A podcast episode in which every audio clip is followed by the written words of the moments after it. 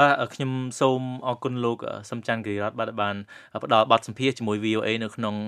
បន្ទប់ផ្សាយរបស់ VOA នេះតែម្ដងក្នុងរដ្ឋធានី Washington បាទបាទសូមអរគុណក្នុងឱកាសនេះបាទបាទជាដំបូងបាទនេះលោកចូលរួមក្នុងកម្មវិធី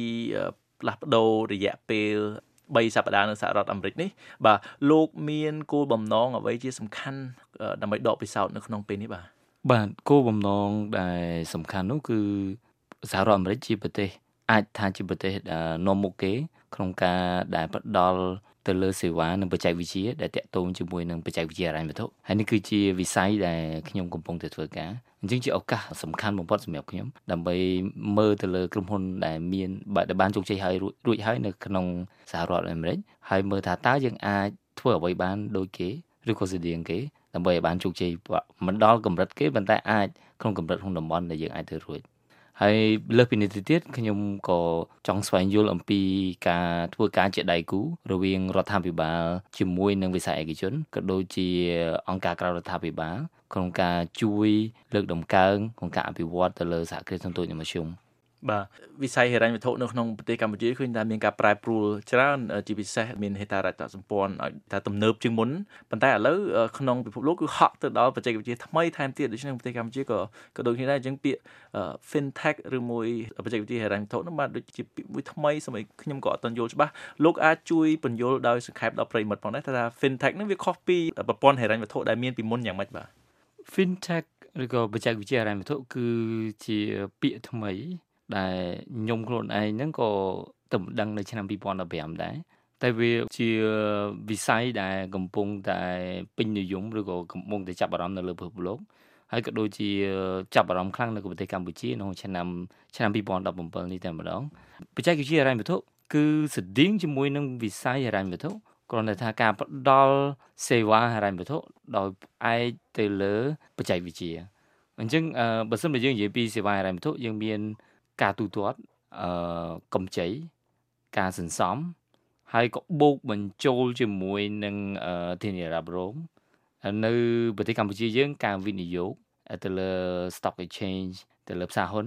ក៏រាប់បញ្ចូលនៅក្នុងសេវាហិរញ្ញវត្ថុអញ្ចឹងសេវាហិរញ្ញវត្ថុដោយផ្ដល់ដោយបច្ចេកវិទ្យាអានឹងគេរាប់ហៅថាជាបច្ចេកវិទ្យាហិរញ្ញវត្ថុឬក៏ហៅកាត់ថា fintech បាទដូច្នេះបើលោកអាចបញ្យល់បន្ថែមទៀតគឺថាពេលដែលមានបច្ចេកវិទ្យាខាងហិរញ្ញវត្ថុហ្នឹងវាកែប្រែវិស័យហិរញ្ញវត្ថុយ៉ាងម៉េចខ្ញុំឧទាហរណ៍ដូចជាឥឡូវដូចថាជាប្រតិជនចាប់ដើមមានធនាគារមានកណនីធនាគារអ្នកខ្លះអត់ទាន់មានអញ្ចឹងប៉ុន្តែឥឡូវវិវត្តដល់បច្ចេកវិទ្យាទៀតអញ្ចឹងតើ fintech ហ្នឹងវាកែប្រែឧបមាប្រព័ន្ធធនាគារយ៉ាងម៉េចខ្លះបាទបើបើយើងមើលជារូបភាពធំសិននៅនៅក្នុងឆ្នាំនេះធនាគារអវត្តអាស៊ីបានធ្វើការសិក្សាមួយនៅលើប្រទេសកម្ពុជាយើង ហើយគេរកឃើញថាគម្លាតនៃការផ្ដល់សេវាហិរញ្ញវត្ថុជាមួយ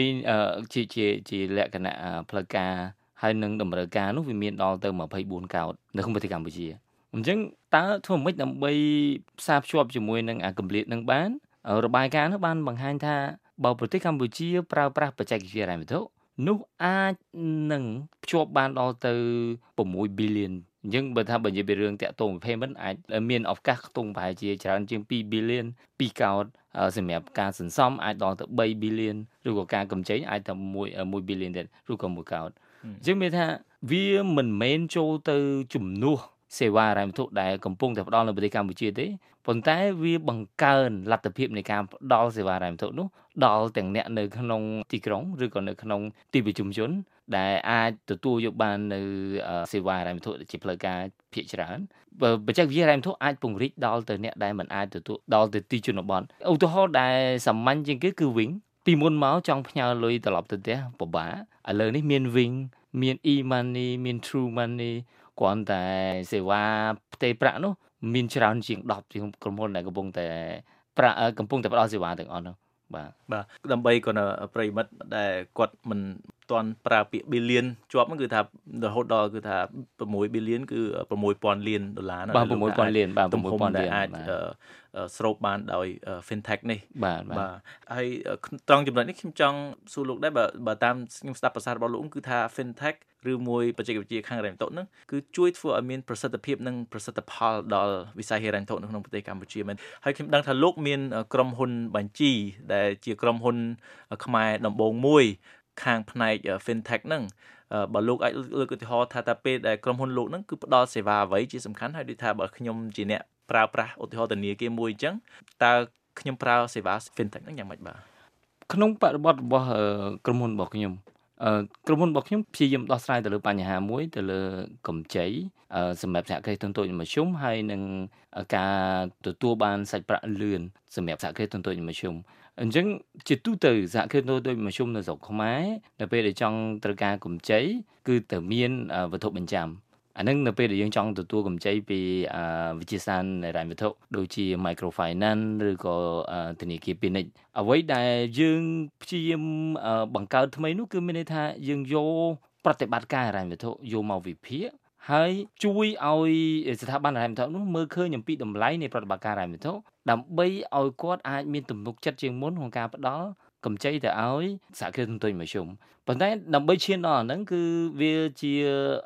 គោលបំណងរបស់យើងនៅឆ្នាំ2018ឥឡូវនេះទិន្នន័យយើងអត់ទាន់គ្រប់គ្រាន់ក្នុងការផ្ដល់ទំនុកចិត្តដល់ថ្នាក់ហ្នឹងទេអញ្ចឹងយើងធ្វើការជាមួយនឹងក្រុមហ៊ុនមួយគឺក្រុមហ៊ុន Q Cambodia ជាក្រុមហ៊ុនពីសហរដ្ឋអាមេរិកទៅដែរ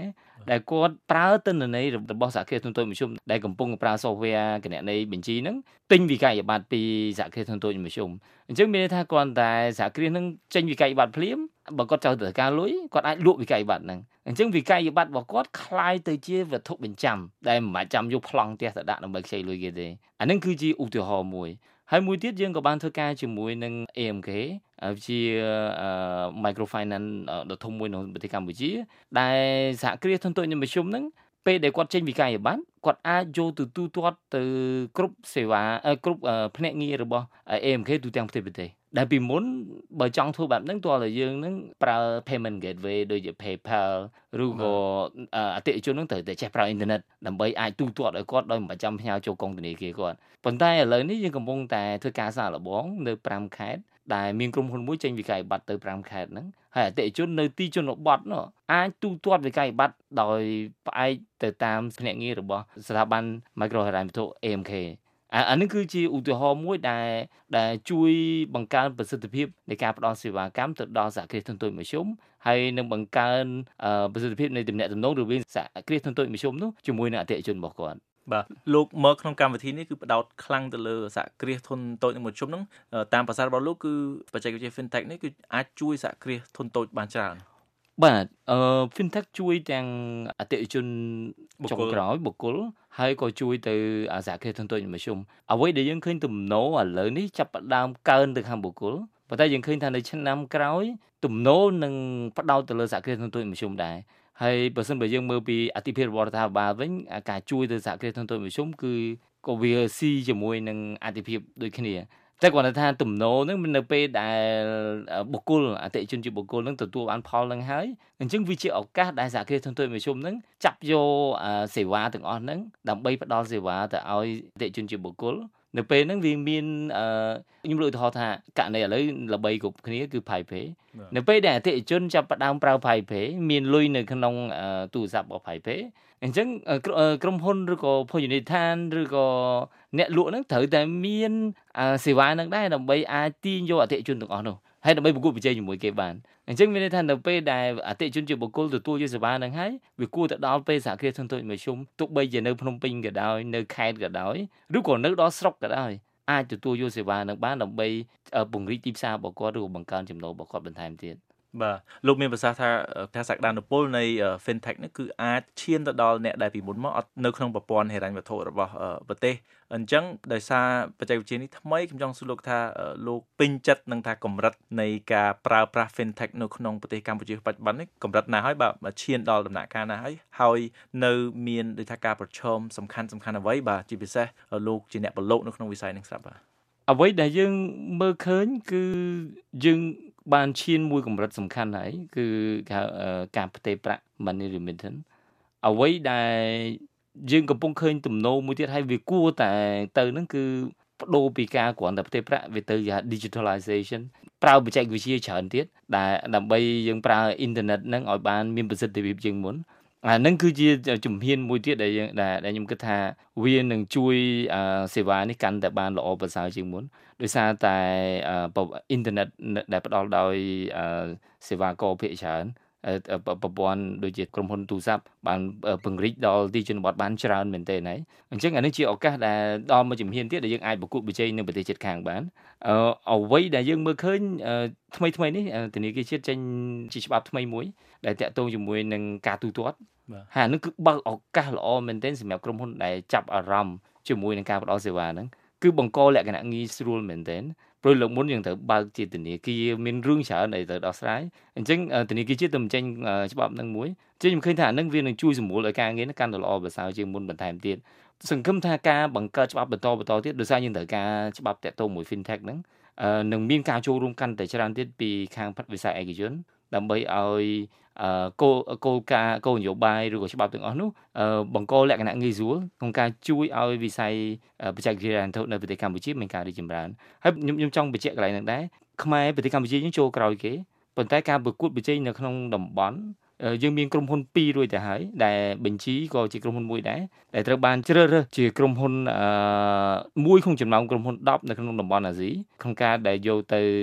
ពង្លឿនអាជីវកម្មនៅក្នុងប្រទេសសង្ហរដ្ឋអាមេរិកដោយ Start Bootcamp Fintech ដែលមានទីតាំងនៅទីក្រុង London អញ្ចឹង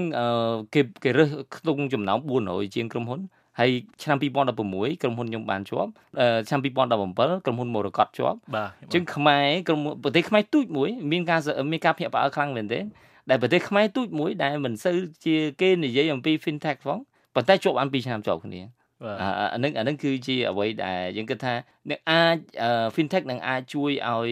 ប្រទេសកម្ពុជាយើងអាចប្រកួតប្រជែងជាមួយនឹងប្រទេសជិតខាងបាន បាទខ្ញុំដឹងថាលោកទឹមតែមើលដល់សហរដ្ឋអាមេរិករយៈពេល3ថ្ងៃហើយលោកនឹងអញ្ជើញទៅទីក្រុង San Francisco ដែលនៅសហរដ្ឋអាមេរិកគឺថាជាកន្លែងមួយដែល FinTech នឹងចាប់ផ្ដើមរីកចម្រើនខ្លាំងដោយសារគាត់ជាមជ្ឈមណ្ឌលហិរញ្ញវត្ថុស្រាប់